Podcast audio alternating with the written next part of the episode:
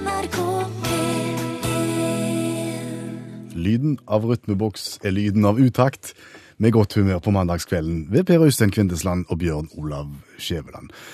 Og landet har fått sett statsbudsjettet i dag, Skjæveland. Ditt bidrag for å holde hjulene i gang? Ja, det, det blir et eh, skyhøyt personlig forbruk, tenker jeg. Et forbruk over evne. Som før. Ja, som før.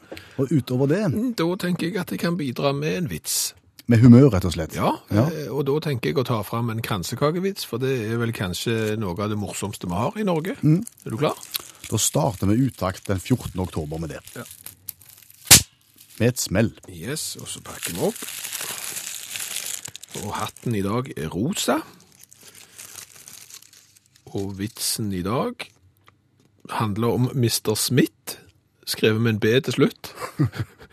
Mr. Smith, Smith med B til slutt. De har noen kraftig pene tenner. Er de virkelig deres egne alle sammen? Ennå ikke. Jeg har den siste avbetalingen igjen.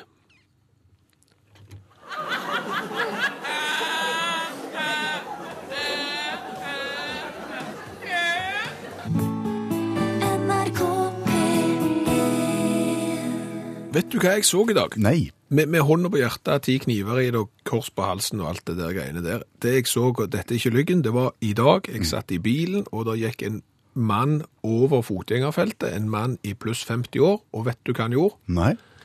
Han slikte på en slikkepinne. En kjærlighet på pinne. En kjærlighet på pinne gikk han og, og rett og slett koste seg med. En mann i alderen Ja, 50 pluss, vil jeg anta. dress Ja, nesten dress, blazerjakke og, og, og, og slacks. og slacks og, og slikkepinne. Og, og det var da jeg tenkte Det høres gjerne ikke oppsiktsvekkende ut, dette her, men, men så ber jeg alle som hører på radio nå, du som, som sitter med radiokabinettet nå, når så du sist en voksen kar gå gatelangs med slikkepinne? Ute i det offentlige. Ja, det er sjelden. Ja. Ja, nå vil jo en eller annen smarting sikkert si, jo, men det var jo Kojak, eh, han, eh, han eh, detektiven som gikk på TV en gang for 250 år siden, eller noe sånn, han hadde jo slikkepinne. Han hadde ikke han sigar, han. Jeg tror han hadde slikkepinne, men jeg har ikke sett det, for jeg fikk ikke se det, for jeg var for liten, så jeg måtte gå og legge meg før, før Kojak, så jeg kan ikke bevitne det helt. Fikk ikke se helgen heller, du. Med, med Simon Templer? Ja. Nei, da måtte jeg også legge meg. Røtter, da. Fikk du si det? Kunta Kinte? Har jeg heller ikke sett det. Centennial. Det har jeg sett. Okay. Og, og par hjerter fikk jeg se. Men hva har det med slikkepinnen Nei, det var du som spurte av. Nei, det var meg som spurte av, ja. Nei, men, men po- po- poenget med, med, med det, det Altså, jeg syns jo at det, det, det kler liksom ikke voksne folk. Nei.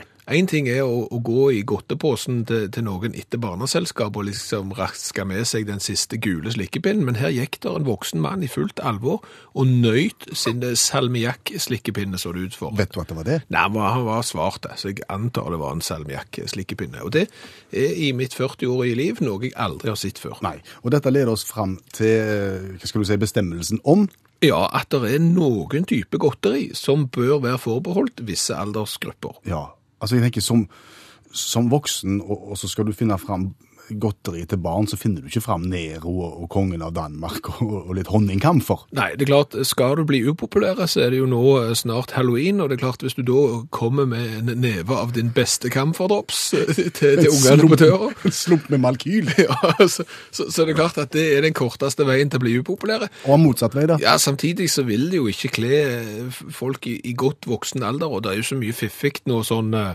så, sånn godteri òg, som, som ungdommen har. Men, men det er klart, hver 50 år å gå med sånn pesdispenser, sant? sånn liten sånn pipfigur, og, og, spi, og spise på gata. Eller sitt for eksempel i forretningsmøter i, i, i blazerjakke, slacks og, og fine sko, og spise pes. Ja, Eller dra inn sånn lakris-snøre. Røde. Ja.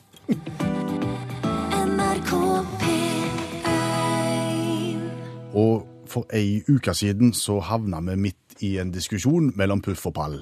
Ja, eh, puff eh, Ja, hva er en puff? Det er jo et møbel, og, og hva er det som definerer en puff? Og, og den diskusjonen eh, havna vi oppi, og vi syntes det var såpass interessant at vi valgte å slå et slag for puffen. Ja. Vi tenkte å opprette et eget uh, Puff-galleri, et Ja. fotogalleri på vår Facebook-side, og ba om bidrag. Ja, og, og det er jo det som er så genialt nå i eh, 2013, at nå kan du eksempel legge igjen bilder på Facebook, eh, på, på Instagram og på mail og alt i sammen, og så får du kontakt med på en måte utaktkonseptet, radioprogrammet som du nå sitter og hører på. Mm.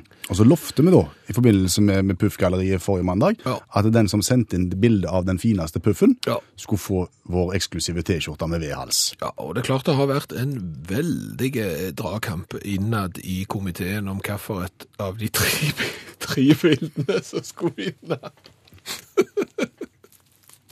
For, for det, er bare, det er ikke til å s- sette unna en puff, det altså. Vi fikk ikke mer enn bilder av tre norske puffer. Nei. Vi hadde jo egentlig tenkt å samle tusenvis av norske puffer og gi de til Nasjonalgalleriet, eller gi de til en eller annen institusjon for å dokumentere den norske pufftradisjonen. vi trodde at puff-miljøet var betydelig større enn det viste seg å være. Ja. Men Eva, Ja, tre er en start. tre er en start der hvor en eller tre puffer er samlet. Eva har sendt oss et bilde. Ja, det, hun har da sendt inn det som er bildet av en gammel bruskasse som fulgte med på flyttelass fra den første hybelen hennes i 1970, og som er malt opp i en tidsriktig farge, altså burgunder, ja. og har fått et hjemmesydd lokk. Og det er vel kanskje stikkordet, i hvert fall ifølge deg, at der der er lokk, er det fort en puff. Ja, jeg mener jo det er forutsetningen for puff, og det er det som skiller puffen fra pall, det er at han har et oppbevaringsrom og et lokk på toppen, altså. Ok, og da kommer jo kontrollspørsmålet. En, eh, en pianokrakk som du kan løfte opp lokket på og legge notene i, er det en puff? Med bein. Det er en pianopuff. Pianopuff. Ja. Så- Som dere kanskje forstår, dette her er, er vanskelig og tung materie, og det er som politikk. Det er ikke lett å bli enige. Vi må kompromisse, men vi har iallfall funnet en plattform, og den kalles Facebook, og der kan du legge ut bilder av din puff. Og vi gratulerer Eva da med, med bilde av sin puff, som har vært brukt til oppbevaring av hundeleger, og som ikke har funnet plass i den nye boligen. Tro det eller ei. Kan du forstå sånn?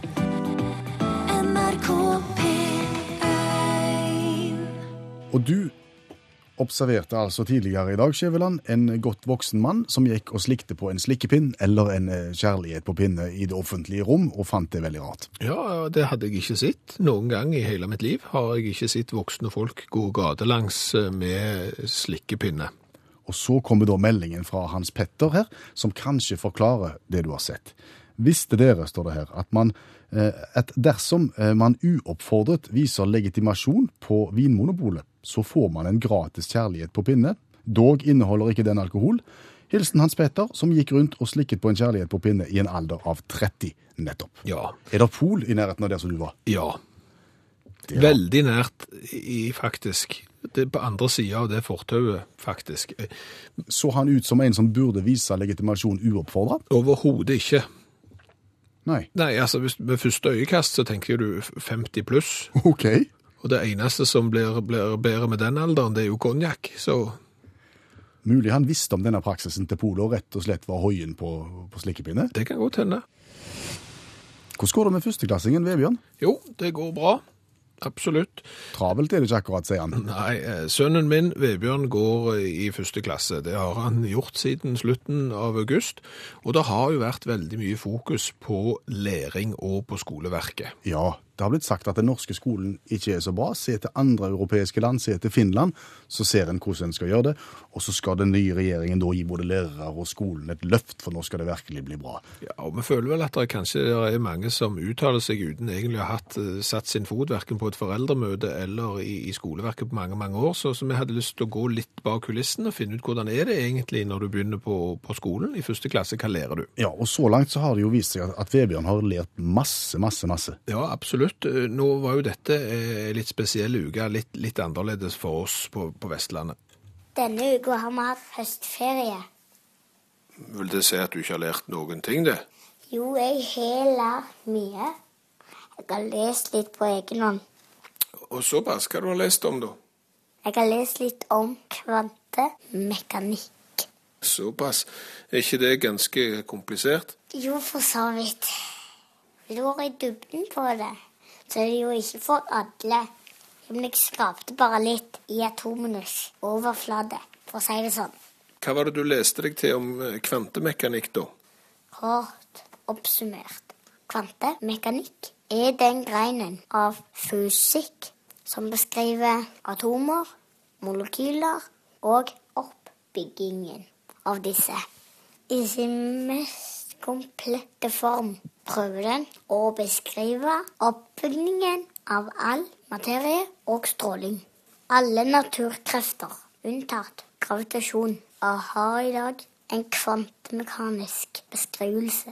Omtrent som jeg skulle sagt det sjøl. Hva er opphavet til dette, da? Kvantemekanikk starta med Max Planck. Max Planck har jeg aldri hørt om. Du har det nok. Bare jeg vet ikke. Ja. Hva var det han eh, viste om kvantemekanikken, da? Max Planck kom med en forklaring. Et strålingsspekteret fra sola. Dette gjorde han i 1900. Og det er i dag en hovedgren av fysikken med mange undergreiner. All fundamental forskning i fysikk i dag kan sies å videreføre kvantemekanikken. Ok, kan du dra noen av hovedlinjene? Har du god tid, pappa? Hvordan det? Dette er komplisert materie. Bokstavelig talt. Kvantemekanikken er komplekst. Men det kan gi deg noen stikkord.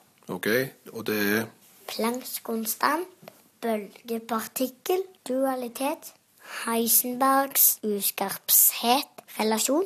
Og enda har vi ikke kommet til Nils Bohr, den vannkjente dansken. Og alt dette har du lest deg til sjøl i høstferien? Ja Så jeg lærer litt av det. Har du hatt tid til noe annet i høstferien, da? Ja Travelt er det jo ikke akkurat.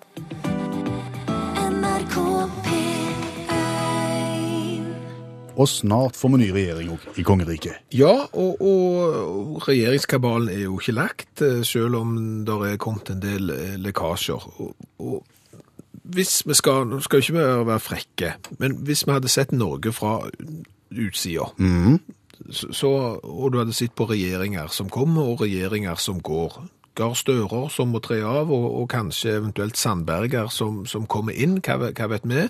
Eh, Bendik Rugåser som har vært, og, og andre ministre som, som kommer, så ville gjerne omverdenen sagt at det, de er ulike, men det er vel en rimelig homogene masse allikevel. Ok.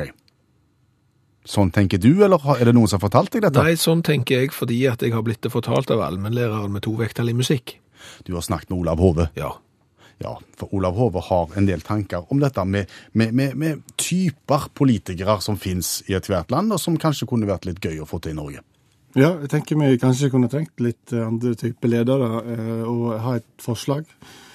Hvis vi går til Frankrike i, på, på 1930-tallet, så var det en karakter som dukka opp som heter Ferdinand Lopp. Ikke okse, men eh, han var lærer, lærer forfatter og poet. Eh, mye bra med alle de tre yrkene. Og han var presidentkandidat på 30-, 40- og 50-tallet. Eh, karismatisk eh, var han, eh, men eh, sett på som en tøyskaper. Og hadde noen hjertesaker. Han hadde jo et hjerte for de heimløse, og derfor så ville han forby fattigdom etter klokka ti på kvelden. Som en av de. Så vil han ha Nydelig sak. Så vil han òg ha jobba for å få utbetalt en årlig pensjon til, enka etter en ukjelte soldat. Det er litt tøysete, kanskje. Så vil han òg få flytta Paris ut på landet, slik at pariserne òg kunne få frisk luft. Fordi han syntes det var urettferdig at resten av, Paris, resten av Frankrike hadde så bra luft, og ikke Paris. Eh, aktiv valgkamp rundt omkring. Eh, hadde alltid med seg tobakk og helseministeren sin, nåtidsministeren sin og ministeren mot opposisjonen. De fulgte han tett. Eh, alle som stemte på Ferdinand Lopp, de bodde og jobba eller studerte i, i latinerkvarteret i Paris, som var enormt populær i latinerkvarteret. Eh, og motstanderne ble hetsa en del, og de ble f.eks. kalt for antilopa. Eh, så, så dette med å gå, gå på ordspill, det er jo en gjenganger her, kanskje. Eh, han ble sett på som en pest og en plage, og, og eh, kanskje litt sånn pompøst eh, fransk eh, adelskap, hva det måtte være. Men, så det ville egentlig ha han vekk. Men så kom andre verdenskrig, da, og da var han en av disse her som eh, snakket imot nazistene. Mange mente det fordi han var galen, at han ikke tenkte seg om. Men, eh, men Gestapo likte han ikke, og en gang, en gang så reide Gestapo møtet hans, og da, henstilte han alle sine følgere til å angripe Gestapo ved å stikke av, av strategiske grunner. Så Det er en av de sitatene han er kjent for. Så, eh, så døde han i 1974. Og i begravelsen så ble det trukket fram hans gode eh, motstand mot nazismen, hans galskap, og at han, eh, og dette likte franskmennene godt, det var at han ved mange anledninger hadde blitt arrestert av engelsk grensepoliti, fordi at hver gang han skulle til England, så oppga han at hensikten med turen var å besvangre og gifte seg med prinsesse Margaret. Fin fyr. Det var en, det var en kar vi hadde trengt. Ja, Ja. det syns jeg.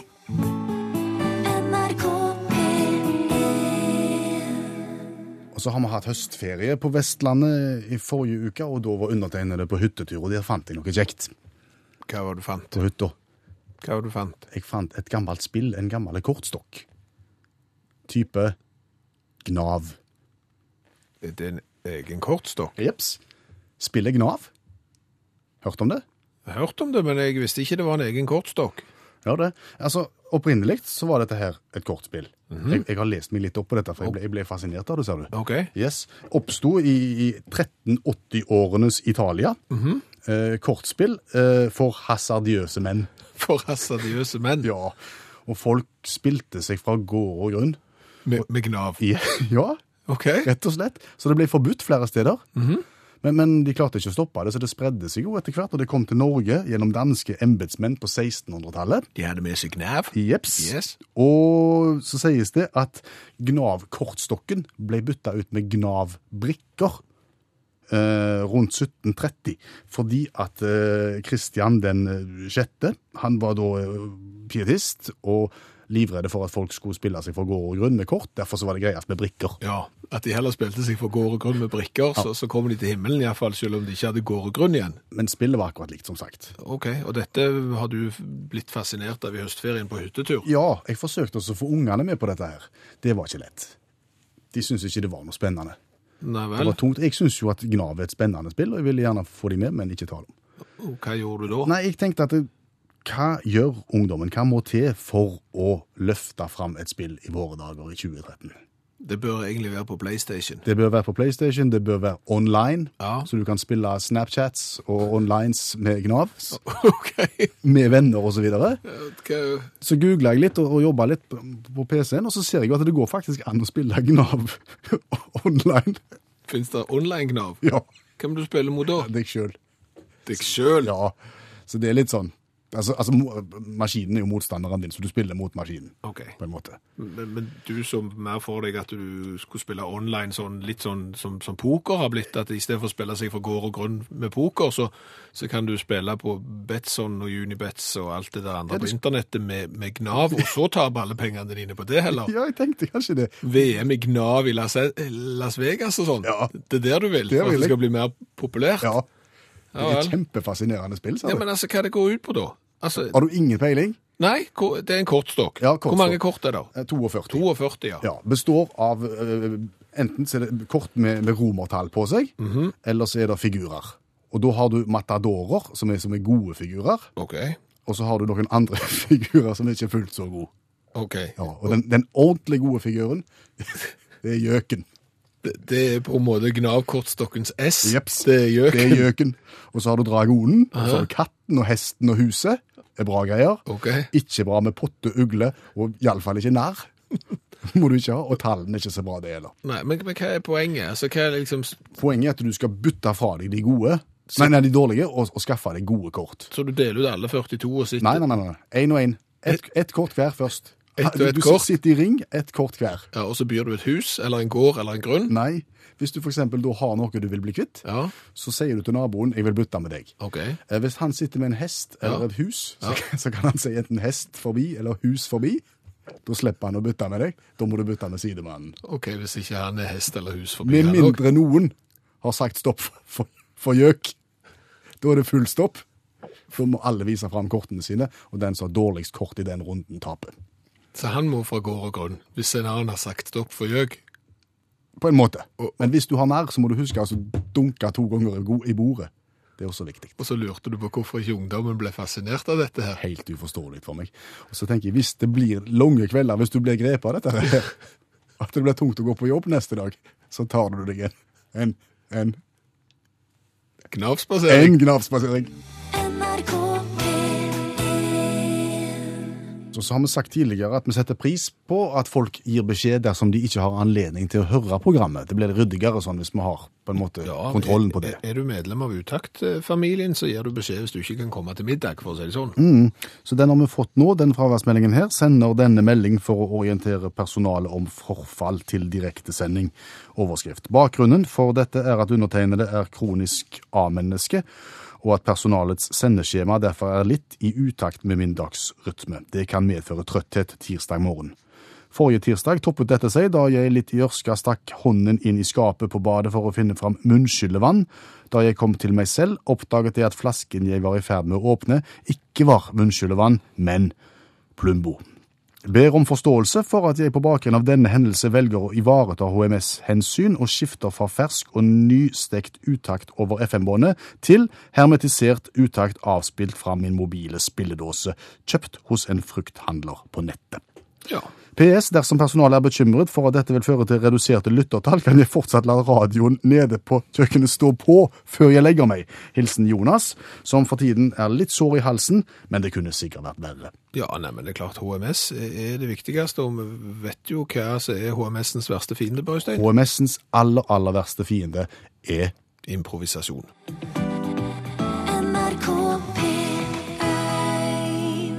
Kan du nå presentere den nye blå regjeringen, Skjæveland? Eh, Ja, etter det jeg har grunn til å tro, så, så blir det en blå regjering. Det blir det. Ja. Og etter det som mange medier har grunn til å tro, så blir Toril Vidvei fra Karmøy den nye kulturministeren i den nye blå regjeringen. Ja, det, det har blitt sagt eh, nå. Og så er vel òg spekulert i at Børge Brende skal være med i regjeringen, og, og sånne spekulasjoner eh, kommer jo. Og det som jo eksempel er litt interessant, syns vi, det er jo at Toril Vidvei, som du nevnte, Ja. hun har vært minister før. Ja, men ikke kultur. Nei, hun har vært olje- og energiminister, og nå er det spekulasjoner om at hun skal bli kulturminister. Det er ikke uvanlig det med litt dansing mellom departementene. Nei, nei, men du kan jo tenke deg, altså Gahr Støre han gikk jo fra utenriksminister til å bli helseminister. Så har du Anne Grete Strøm Eriksen blant annet, som har hoppet mellom eh, helseminister og forsvarsminister. Det må i så fall være immunforsvar og, og forsvar. Fiffig. Fiffigt. Men, men du kan jo tenke deg det sjøl. Hvis du for eksempel, som du gjør, jobber i et radioprogram som heter Utakt på P1, og plutselig så bestemmer da noen voksne eh, at du skal da lede et eh, klassisk musikkprogram, direktesendt sådan, på P2. I stedet for. Ja, for det er jo sånn det er nesten. altså Du hopper fra den ene hesten til den andre, og det er jo vidt forskjellige hester, dette her. Det er jo Ja. Ja. Hvordan hadde du takla det? Nei, Hvis jeg skulle hatt klassisk program, så ville det blitt noe ufullendt, tror jeg. Noe sjubortsk? Noe sjubortsk ufullendsk. Men, men jeg hadde nok hatt gode medhjelpere. Det er stikkordet her. Jeg tror kanskje det er der det ligger, sa du. At jeg har gode, gode assistenter og gode produsere og gode folk rundt meg som fòrer meg med det jeg trenger å vite. Ja. Dermed så framstår jeg like elegant i utakt som i hovedscenen. Ok, så du ville vært en gallionsfigur, rett og slett, på en måte? Det var dine ord. Ja, men, men det, det, nesten det du sier. Altså, hvem er det da som bestemmer her? Det er mulig det er embetsverket. Altså de som alltid er der. de, de, de blir ikke bytta, de, når det kommer inn en ny De fleste sitter der, sa du. Så antageligvis så må du bare inneha enormt gode lederegenskaper, og så må du vite noe om det temaet som du skal snakke om. Ok. Du ser overraska ut. Ja, bitte litt. Jeg bare tenker hvis jeg plutselig satt der som olje- og energiminister med denne olja som de pumper opp fra havbunnen, kunne jeg sagt. eh, eh, Den lager de ikke plastikk òg av den, tror jeg. Jo. Petroleum. Fyller de på bil. Og så- Og er det noen i embetsverket her som kan trå støttende til når vi nå skal snakke om Skrugard, som tidligere het hva det ble? Nei, for et rot det hadde blitt. Nei, jeg misunner ingen å måtte hoppe fra den ene til den andre. Det må jo være lov å være spesialist. Ja. Du ser jo hvordan det går når de setter keeperne fram på, på corner. Kom du, den kom du på nå. De skårer jo faktisk av og til. Ja, de gjør det, Nei, du. det, ja, nei, ok. Jeg, eh, med- rot i at keeperne faktisk skårer på, på, på corner av og til i det siste spilleminutt, så tror jeg det kan gå veldig bra å hoppe fra hest til hest når det gjelder ministerpostene.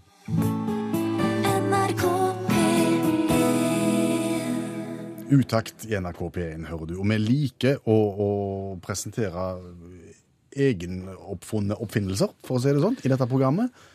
Lansere ideer. Hvis det er gründere der ute som har, lov, har lyst til å ta tråden, ta ideen, så sier vi vær så god, gratis. Ja, for Men vi er nok kanskje bedre på idé enn gjennomføring. Det er akkurat det vi har tenkt. Og, og du har tenkt Jeg har tenkt, og har lyst i kveld, å få lov til å lansere brødristerbordet. brødristerbordet. Ja. Jeg har Et sett bord meg... det du setter brødristeren på. Nei. Jeg har sett meg lei på å måtte gå i skytteltrafikk mellom eh, kjøkkenbenk og Ja. spisebord med to skjever om gangen og riste skjevene. Jeg ser for meg, i stedet for altså sier du du kan ta brødristeren med deg på bordet. Ja. La den stå på bordet. Nei, det blir rot. Da blir han stående sammen med alt det andre. Jeg vil lage et spesialbord med innfelt brødrister. Det eneste du ser på toppen av bordet, det er to sånne små spalter hvor du kan slippe skjevene ned i. Omtrent midt i bordet. Og når du ikke har tenkt å bruke den, Ja. så vil du ha sånn to små lokk så du kan dra til side, så du, så du stenger igjen de to spaltene. Det er din idé. Brødristerbordet der, altså. Ja. For så vidt eh, en, en god idé. Takk. Hvis du ser på at det er jo andre ting som har virka som integrert. Altså integrert eh, oppvaskmaskin eh, funker. Men ikke for å strø for mye salt i toasten her, men det er jo noen utfordringer her. Alltid det i forbindelse med nyskapninger. Ja, altså det første jeg tenker på, det er strøm. Strøm må du ha. Ja. Ja. I det øyeblikket du integrerer en brødrister i bordet, så må bordet ha strøm. Ja, og det har jeg tenkt på. Det har du tenkt på. Den strømledningen skal gå ned, eventuelt inni et av bordbeinene. Ja. Sånn at, sånn at du, du vil ikke se ledningen knytta til bordet. Det eneste beten du får, det er fra bordet og bort til kontakten. ja, og der må du ha Ja, Det må du ha en ledning. En skøyteledning. Ja, Kanskje. Som, som du ikke kan ha liggende der hele veien, for da vil du gå og snufle i den, og, og det vil ikke se pent ut. Så det er nok... Den kan du legge under et teppe, Skjæveland. Og så, så har jeg en liten motforestilling til. Jeg vet ikke hvor mye rista brød du faktisk spiser, jeg, men, men hva skjer, hva er på en måte et biprodukt av brødristing? Nå vet jeg hvor du skal hen. Ja, Smuler. smuler, ja. Det har jeg tenkt på. Ja, fordi at det, eh, i veldig mange brødristere så er det en sånn en liten skuff i bunnen av brødristeren, sånn at det, når det er smuler i, så trekker du ut den skuffen, og så tar du og hiver smulene. Problemet med den skuffen er at den fanger jo ikke smulene. Nei. Og det har jeg skjønt. Så dermed så må du ta brødristeren og snu den på hodet, og, og riste den over vasken for eksempel, for å få ut brødsmulene, og prøv selv å ta og snu bordet og riste, for det er jo ikke bra. Jeg venter på den eplekjekken der at nå må du liksom snu bordet opp ned. Okay, og det har hva, jeg tenkt på. hva er resepten? Resepten er at dette er en slags påhengsbrødrister.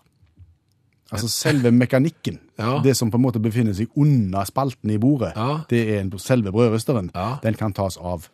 Den hektes kun på under bordet, under spaltene, og oh, ja. kan tas av behov, og tømmes og rengjøres alt ettersom. Ok, for fors- der forsvant litt av det tredje. Tredje motforestillingen min, det er jo med en gang du integrerer noe i noe annet, og, og den integrerte biten går uh, i stykker, så må du hive alt. Nei, nei. Men, men så her kan du da supplere med ny brødrister, eventuelt hvis det kommer tekniske problemer med det. Ja, men det var jo relativt fiffig. Det eneste jeg har tenkt på som kan være et lite problem, Ja. det vil være at du, han vil jo ta litt plass under bordet denne her. Ja. Og det vil være mulig til å spenne borti den med kneet, og det kan bli litt vondt. Ja.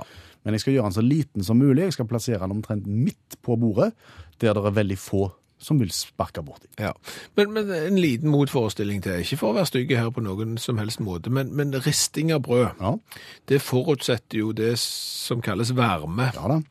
Og bordet hadde du tenkt å lage av Tre. tre og varme blir gjerne full fyr. Ja, det har jeg tenkt på. Det har du tenkt på? Ja, ja, ja. ja, ja. Altså, jeg ser jo den faren der. Derfor så vil alle deler Ja. i brødristeren og koblingspunktene mellom brødrister og bord Ja. være av metall. Av metall, ja. ja. Og metall brenner ikke som kjent. Nei, Metall er såpass dårlige til å lede varme òg, i motsetning til glava, som jo leder veldig med varme. Så, så det bør du ikke tenke på. Akkurat der tror jeg du har et stykke å gå når det gjelder det, det, det kjemiske og det fysiske i dette her. Brannsikringen. Ja, tenker du? ja. det, der er det nok. Men, men i utgangspunktet veldig interessant. Og, og du kan tenke deg at hvis du først har integrert en brødrister i et bord, så, så, så åpner det jo for masse andre ting òg. Ja, ja. Smoothie-maskin har jeg jo tenkt på. Du er sånn food-professor. Sånn, Det, vil, det vil være et lite hull på sida av de to spaltene til Brødrestad. vet, vet du hva dette ender med? Nei. Det ender med, med sånn omtrent japansk restaurant, det, der du sitter rundt et bord, og så ser det ut som det er veldig, veldig, veldig lavt. Og så har de bare gravd et hull unna bordet, sånn at du kan sitte med beina nede i en grop. Den gropen tror jeg du òg trenger med alt du skal ha inn, innmontert i det bordet ditt. NRK P1 Du lovte historien om den godhjerta kjeltringen. Ja, eller eventuelt kjeltringen som er litt lite vasse. Litt lite smarte. Litt lite smarte. For i dag har jeg vært på besøk på det lokale politikammeret, som snart blir lagt ned, For å anmelde. for å anmelde et tyveri av en sykkel. Oh. hva skjedde? Og, og jeg syns det er mange element her i, den historien som, som er passe god. For, for det som skjedde natt til onsdag, det er at en sykkel ble fjerna fra garasjen vår. Det er ikke spesielt uvanlig. Nei, men eh, del 1 i historien, det er en garasjeport som kun lar seg åpne med en sånn en kode på utsida. Så for at noen skal ha klart å åpne den, så må de ha kunnet koden. Ja, det må de ha kunnet. På et eller annet vis så har de fått opp denne her, og når vi våkner da dagen etterpå, så står garasjen halv åpen, altså midtveis. En sykkel er fjerna, Akkurat. Hvem sin sykkel? eh, sønnen min sin, Ja vel. og en ny sykkel Mhm. er satt halvveis på plass. Som ikke er din? Ja, Kan det se ut som at vedkommende tyv har kommet på sykkel, satt igjen sin egen og tatt med seg din, sin, din sønns? Ja, eller så har han eventuelt tatt eh, en litt eh, Altså, for dette er ikke noe stygt om, om det eh, biltemaet når det gjelder sykkel, men så sto da en biltemasykkel igjen, og, og så var sønnen min sin eh, hybridsykkel eh, stjålen, og den ser veldig tøff ut. Ok. Den ser veldig tøff ut. Så her har vedkommende tenkt jeg lar biltemaen stå, jeg tar den tøffe hybriden. Ja, og, og der kommer det der godhjertetyveriet inn at ok, det er gjerne litt frekt av meg å, å stjele en sykkel, men vi setter nå en igjen, så du sa at du er jo ikke uten. Nei, jeg skal slippe å gå. Ja, for all del, du skal, du skal slippe å gå. Men, men så må vi ikke glemme idiotbiten inni dette. Er det mer? Ja, for den sykkelen som ble satt igjen, Ja. den hadde luft i begge dekkene. Eh, forstår jeg det dit hen at det hadde ikke den som ble stjålen? Nei, den var punktert. Så, så den var flat bak, så den gikk egentlig ikke an å sykle på.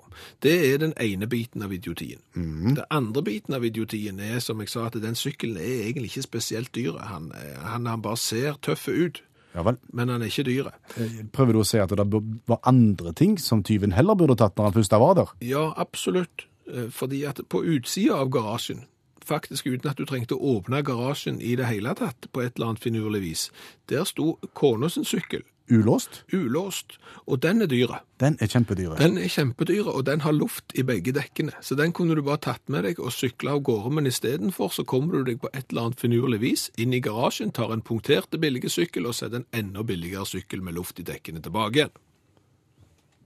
Ja, nå, nå begynner Sherlock Holmesen min å, å spinne litt. Ok, Jeg tenker det må være mann. Kan jeg være Watson da? Ja. Ja, ok, det er mann. Ja. Fordi det er jo ingen tyv som vil bli sett syklende på en damesykkel. Så, så at han lar damesykkelen stå igjen, det er helt forståelig. Ja, men det er jo ikke sånn med damesykler nå. Det, det var ikke sånn damestang heller, ser du. Så det, det er ingen gode forklaringer her, annet enn at du må være mindre mentalt begava for å ta en sykkel uten, dekk, når- nei, uten luft i dekkene når det står en ulåst ved siden av med luft i. Jeg har en mistenkt til. Hva? Sønnen din. Sønnen min? Ja. Som vil ha ny sykkel.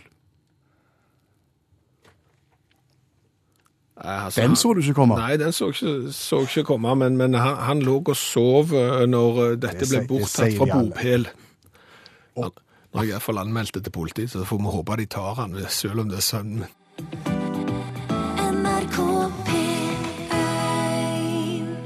Og helga, vet jeg, Skjæveland, brukte du blant annet til å gå på eh, jordbruksmesse. Ja, agronomisk samkvem hadde jeg Rett og slett. med, med, med folk, og, og det var interessant. På hvilken måte da? Nei, jeg lærte en hel haug. Om Eh, Blant annet eh, så, så kom jeg i snakk med ei eh, som jobbet på Vinterlandbruksskolen. Hun jobber på Vinterlandbruksskolen. Ja, Ja. den er åpen hele året. Vinterlandbruksskolen er åpen hele året, kunne hun fortelle? Ja. Ok, Hvorfor heter han det da? Nei, det kan du lure på. Det er fiffigt. Eh, og, og så lærte jeg noe om melk. som du ikke visste fra før. Ja, faktisk. Fordi at det, hvis du går helt tilbake til romertene, eller romertida, så var det faktisk sånn at hvis du ja, rei for fort på, på sånne rare hest og kjerre, eksempel, eller ble tatt for et eller annet som gjorde at du fikk bot, Ja eller såkalt mulkt, Aha. så kunne du gjøre opp den mulkten. Med Melk. melkt, på en Altså, måte. Ja, du, du Ikke mulkt. Nei, men mulkt, da, altså noe, greier. Og, og da kunne du rett og slett betale på, på stedet med melk. Og det fikk meg jo med gru til å tenke på det kjøremønsteret vi kunne fått på landsbygda i Norge hvis det hadde vært sånn den dag i dag. Det er jo en og annen stor melkeprodusent i Norge Det er det. Som sikkert har noen liter til over. Så det hender jo eksempel at hvis ikke melkebilen kommer fram på grunn av for mye snø eller et eller annet, så tømmer de jo ut tusenvis av liter av melk rett i sluken. Og du kan tenke deg hvis du hadde fulgt opp bagasjerommet med dette bare for å ha litt i tilfelle du ble stoppet. Akkurat, ja. Råkjøring på landsbygda, og så sier jeg på Ho- ho- Hold an her litt, ja. Her gikk det litt fort, tenker jeg. Ja, men det er ingen fare, herr politimann. Jeg har bilen full av melk. Så blir det søling, vet du, sant? Og så blir det eh, gammel melk i bilen, så lukter det surt, så får du ikke solgt den når du skal legge den ut på Finn. Noe surmelklukt må påregnes. Og så ble motoren sur òg, før du vet ordet av det. Ja, Lærte du mer når du hadde agronomisk samkvem? Ja, men, men det, det, for å si sånn, det er så grovt at det vil jeg ikke tenke på.